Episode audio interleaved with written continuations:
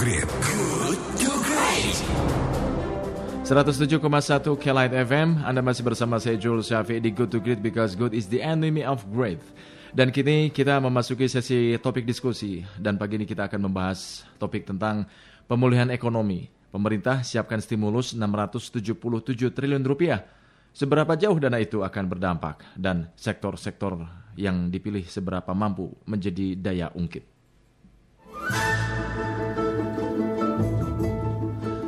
Pemerintah berencana memperbesar stimulus untuk penanganan pandemi corona dan dampaknya pada perekonomian dari sebelumnya sebesar 641 triliun rupiah menjadi 677 triliun rupiah. Kenaikan stimulus terutama guna uh, membantu pemulihan sektor ekonomi yang terdampak langsung COVID-19. Nah, kenaikan ini diharapkan bisa membantu menggerakkan perekonomian terutama saat fase kenormalan baru atau new normal. Pertama, dukungan untuk kesehatan sebesar 78 triliun rupiah ini akan digunakan untuk penanganan COVID-19, insentif tenaga medis, hingga santunan kematian.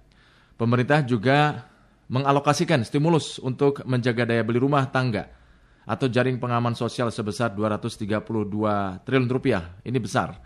Dana ini direalisasikan dalam bentuk bantuan sembako, kartu prakerja, dan program perumahan.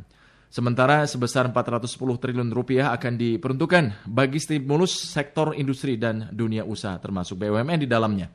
Nah, rencananya pemerintah antara lain akan mengalokasikan subsidi bunga untuk 60,66 juta rekening sebesar 35,28 triliun rupiah. Lantas, seberapa stimulus yang mencapai 677 triliun rupiah itu akan berdampak serta sejauh mana sektor-sektor yang dipilih sebagai penerima stimulus ini memiliki daya ungkit bagi perekonomian nasional. Nah, sahabat kelat, untuk menjawab pertanyaan-pertanyaan tadi, kita akan diskusi dengan beberapa narasumber. Di antaranya itu Dr. Farida Titika SEMSI, uh, Wadek 2 FEB Universitas Telkom Bandung. Assalamualaikum warahmatullahi wabarakatuh. Selamat pagi Pak Abu Farida. Waalaikumsalam Kang Ijo. Selamat pagi. Selamat pagi sahabat Kilai. Yes. Kumaha damang Ibu? Alhamdulillah. Alhamdulillah. Kang Ijul sehat juga? Alhamdulillah, tetap semangat Bu. Alhamdulillah. Iya. Bu Farida, ini kan pemerintah berencana memperbesar stimulus untuk penanganan mm-hmm. pandemi corona ya dan dampaknya terhadap perekonomian. Jadi mm. uh, dari menjadi 7, uh, 677 triliun dari sebelumnya 641 triliun rupiah. Nah, Kenaikan ini untuk membantu pemulihan sektor uh, sejumlah sektor ekonomi yang terdampak langsung COVID-19 uh, gitu kan. Nah, bagaimana Anda mencermati dan mengkalkulasi rencana tersebut, Bu? Oke, terima kasih Kang Ijo. Ya. Kalau bicara tentang stimulus, uh, sudah bagus sih ya dinaikkan gitu, meskipun hmm. sedikit tapi kan naik. Hmm. Cuma yang harus jadi note adalah bahwa kalau ketika kita bicara dana stimulus, mestinya yang harus dipikirkan adalah dia sifatnya harus tadi yang disampaikan tadi bahwa harus menjadi daya ungkit. Mm, okay. Satu untuk dari sisi konsumsi, yeah. jadi dari sisi konsumen ya. Yang kedua adalah dari sisi produksi karena kan memang eh, apa namanya eh, sistem ekonomi itu berjalan karena dua kegiatan kan. Konsumsi, konsumsi produksi. dan produksi. Okay. Ah, ya, artinya ketika dua hal itu ditingkatkan mestinya baik. Prinsipnya yeah. gitu. Yeah. Nah, cuma kemudian masalahnya adalah apakah stimulus-stimulus itu diberikan kepada sektor-sektor yang memang akan menjadi daya ungkit kan gitu. Nah, itu dia. Nah, kalau saya eh, mencermatinya ada beberapa pointer nih, Mas. Yeah. Pertama, ini kan salah satunya diberikan pada sektor kesehatan kan dan Betul. sektor kesehatan itu hanya berapa triliun sedikit lah 85 kalau nggak salah ya mm -hmm. 85 triliun itu lebih hmm. sedikit mm. dari yang lain. Nah padahal kalau menurut saya kesehatan itu kan faktor paling dominan dalam kasus COVID ini. Yeah. Kenapa? Karena kalau kesehatannya nggak jalan semua stimulus juga nggak jalan. Yeah. Gitu. Artinya kalau menurut saya mestinya dana kalangan kesehatan ini harus lebih besar Hmm. Atau dipisahkan dari dana stimulus ini hmm. karena memang tadi eh, kebijakan ini akan me berdampak kepada pemulihan ekonomi hmm. secepatnya. Jadi kalau cepat sehat berarti ekonomi cepat pulih, yeah. prinsipnya gitu. Setidaknya harus 100 triliun lah ya Bu ya. Ya gitulah minimal 20 persen lebih lah kalau yeah. menurut saya. Oke. Okay. Gitu. Itu yang pertama. Hmm. Jadi harusnya kesehatan yang paling dominan. Hmm. Kemudian uh, ya apa namanya yang kedua, kemudian sektor uh, eh, BUMN. Hmm. Nah, kalau menurut saya BUMN itu juga gede loh yeah, stimulusnya. Yeah. Mm -hmm. Ya kan, hampir 15 persen, justru lebih besar. Yeah. Kita juga harus hati-hati tapi.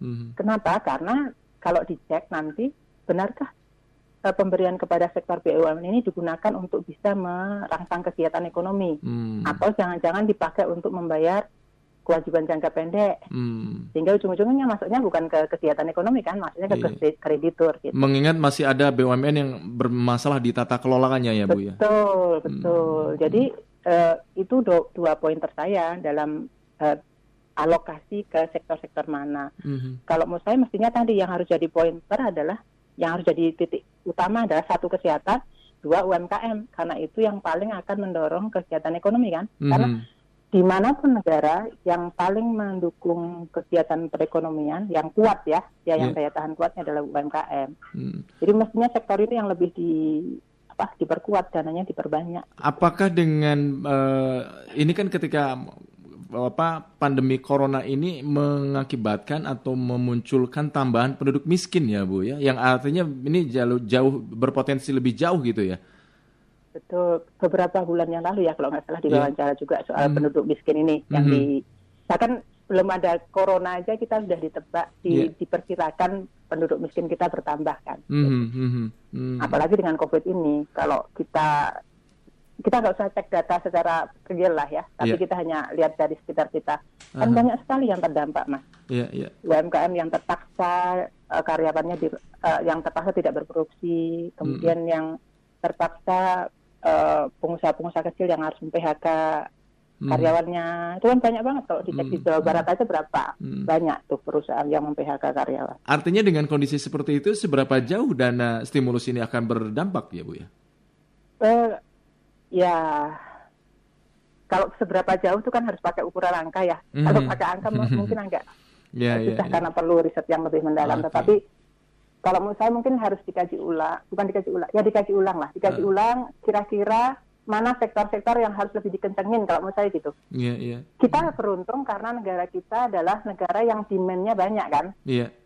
Hmm. Artinya, berarti yang harus digenjot selain dari sisi produksi berarti dari sisi pengusaha dan dua dari sisi konsumsi, berarti masyarakat kan. Mm -hmm. Bukan sekedar pada BLT. Iya, iya, iya. Ya kan? Mm -hmm. Bukan sekedar BLT, yeah, yeah, karena BLT itu kan uh, ya bisa tetapi menurut saya konsumsinya kan relatif kecil ya mungkin mm -hmm. harusnya lebih pada kelas yang yang daya ungkitnya besar gitu loh mas mm -hmm. yang daya ungkitnya besar itu bukan kelas bagian bawah kan yeah, tapi yeah. di kelas menengah gitu mm -hmm. jadi yang harus tingkatkan konsumsinya di bagian menengah nah mm. sektor apa kalau menurut saya sektornya ya sampai hari ini kalau menurut saya sektor pariwisata yang yang multiplier efeknya banyak. Hmm, iya iya. Artinya, Kalau pariwisata jalan, iya.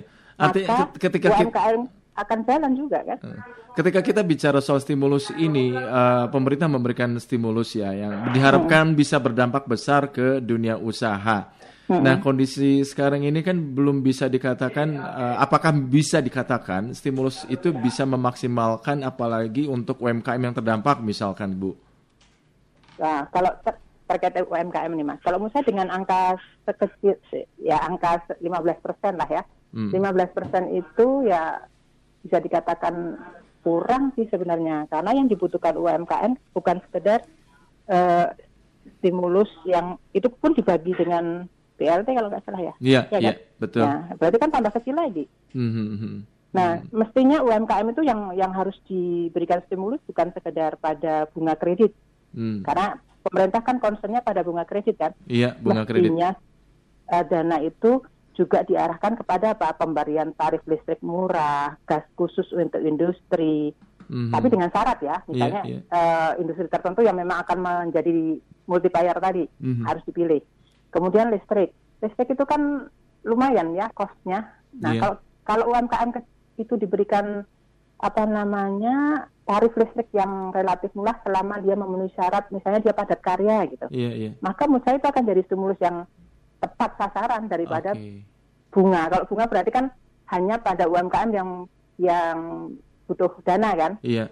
Padahal kita tahu bahwa dan UMKM yang tidak menggunakan bank kan juga banyak. Hmm, artinya Jadi, mau, stimulus untuk tadi ya uh, tarif listrik untuk padat karya atau juga misalkan harga gas industri, gas industri bisa lebih murah harusnya ya Bu ya. Mestinya diberikan stimulus seperti itu. Pajak hmm. kan pajak kan arahnya ke yang kelas menengah juga, tapi betul. UMKM banyak yang kecil-kecil gitu Mas. Hmm, Jadi yeah. kalau saya larilah kepada UMKM kan yang yang yang bukan kelas menengah lah, bukan yeah. hanya kelas menengah. Maksudnya dua semuanya dikerjakan, dikerjakan tetapi yang yang memenuhi syarat juga harusnya diberikan hmm. stimulus. Jadi bukan hanya pada bunga. Ini kan dana stimulus ini dialokasikan untuk sektor kesehatan, uh, menjaga daya beli rumah tangga atau melalui jaring pengaman sosial BLT ya Bu ya. Kemudian sektor industri dan dunia usaha termasuk BUMN di uh, hmm. dalamnya. Nah, menurut Anda adakah sektor lain yang juga perlu diberi stimulus tetapi luput gitu Bu?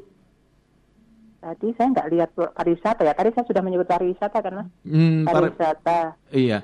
Karena menurut saya pariwisata itu meskipun agak susah bangkit karena orang susah pergi ya. Tapi hmm. orang kan sudah pengen pergi nih. Hmm. Benar nggak? Kang itu yeah. juga pasti pengen segera jalan-jalan. yeah, kita yeah, udah yeah. bosan yeah, katanya. Yeah, yeah. Ya kita nggak usah yang jauh-jauh. Yeah. Tapi minimal kalau kalau kita bicara Jawa Barat aja mas. Ketika yeah. pariwisata sekitar Jawa Barat dibuka, masyarakat sekitar kita main ke sana, kan yang kena dampaknya satu para karyawan di tempat itu gitu kan iya. dua barang-barang yang dijual di situ berarti UMKM lagi kan benar-benar yeah. real ekonomi loh yeah, yeah. gitu hmm. nah itu kayaknya yang luput yang tidak diamati karena tidak bicara di situ hmm. kalau yang dibicarakan kan hanya energi transportasi perumahan gitu kan yeah. BUMN gitu mau saya itu industri yang besar-besar gitu yang hmm. yang yang harusnya kalau misalnya fokus pada dua hal, satu kesehatan, dua pada UMKM. Gitu, hmm. Karena semua berjalan ketika kesehatan baik.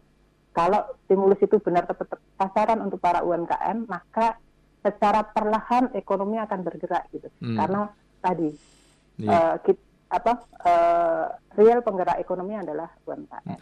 Bu Farida ini kan terkait dampak COVID-19 baru-baru ini hmm. Bank Dunia juga kembali memangkas proyeksi pertumbuhan ekonomi Indonesia jadi 0% di 2020. Bahkan hmm. minus 3,5 persen gitu dalam skenario ya. terburuknya. Hmm. Nah, selain pandemi, eh, resiko tekanan ekonomi sekarang ini diperparah anjloknya harga komoditas minyak mentah dunia. Hmm. Menurut Anda apa arti semua ini uh, menurut Anda, Bu? Oke, eh ya kita mau diperkirakan seperti apa? Kalau mau saya, kita berbahagia karena Indonesia ekonominya disokong oleh permintaan konsumsi dalam negeri, mas. Hmm. Jadi dari konsumsi, gitu, yeah. bukan dari yang lain. Hmm. Artinya ketika eh, itu berjalan baik, maka menurut saya ya pendapat pesimis dari IMF eh, dunia, Bank Dunia, dunia. bisa tidak terwujud gitu. Hmm. Jadi optimis aja kalau mau saya. Hmm. Atau kalau mau kita optimis lagi coba pen dengar pendapatnya dari Morgan Stanley itu, yeah, gitu kan? Yeah, kita yeah, kan yeah. dianggap negara yang nomor dua loh pulih yeah. ekonominya. Ada potensi China. selamat perekonomiannya. Yes, gitu. Hmm, Karena yeah. itu tadi melihat potensi konsumsi yang sangat besar di Indonesia dan pengalaman resesi selama ini atau uh, kejadian-kejadian ekonomi yang di masa lalu hmm. Indonesia kan relatif baik ya yeah. Iya. uh, pemulihnya gitu. Jadi kalau saya termasuk orang yang optimis mas, jadi optimis mm. kita bisa.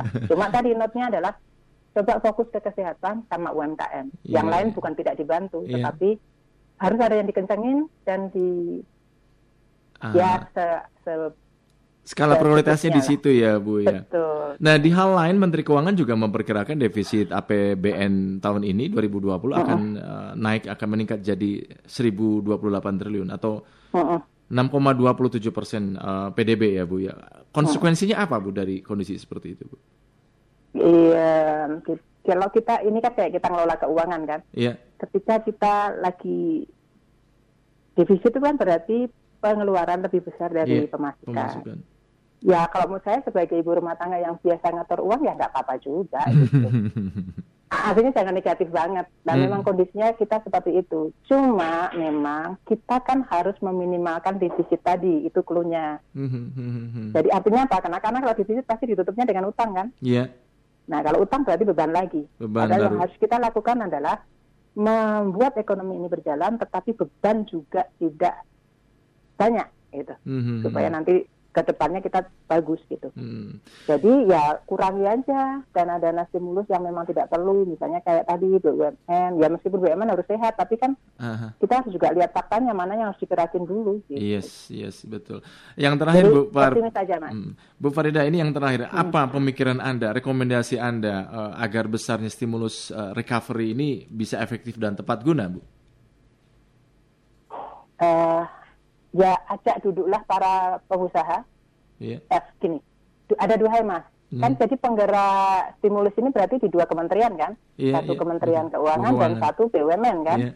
Kalau biar yang harus jadi lead gitu. Mm-hmm. Nah, mestinya para kementerian di situ ya harus mengajak kerja apa bicara atau duduk bersama siapa pelaku dong. Pelaku itu siapa? Ya pengusaha. Tapi mm. pengusaha tidak hanya pengusaha besar saja. Mm. Jadi mm. Eh, mungkin seluruh lah seluruh komponen pengusaha diajak duduk bareng plus akademisi juga karena hmm. menurut saya harusnya akademisi itu lebih netral kan yeah, dalam iya. penilaian yeah, tidak ada mestinya nggak ada interest konflik di situ. Gitu. Baik, baik. Bu Farida, terima kasih atas waktunya kita ngobrol-ngobrol pagi sama, ini mendapat referensi untuk kami. tetap sehat dan tetap semangat ya Bu Farida. Semangat Kang Ijo. Iya. Assalamualaikum warahmatullahi wabarakatuh. Waalaikumsalam. Demikian sahabat kelas Dr. Farida Titik SEMSI Wakil Dekan 2 Fakultas Ekonomi dan Bisnis Universitas Telkom Bandung.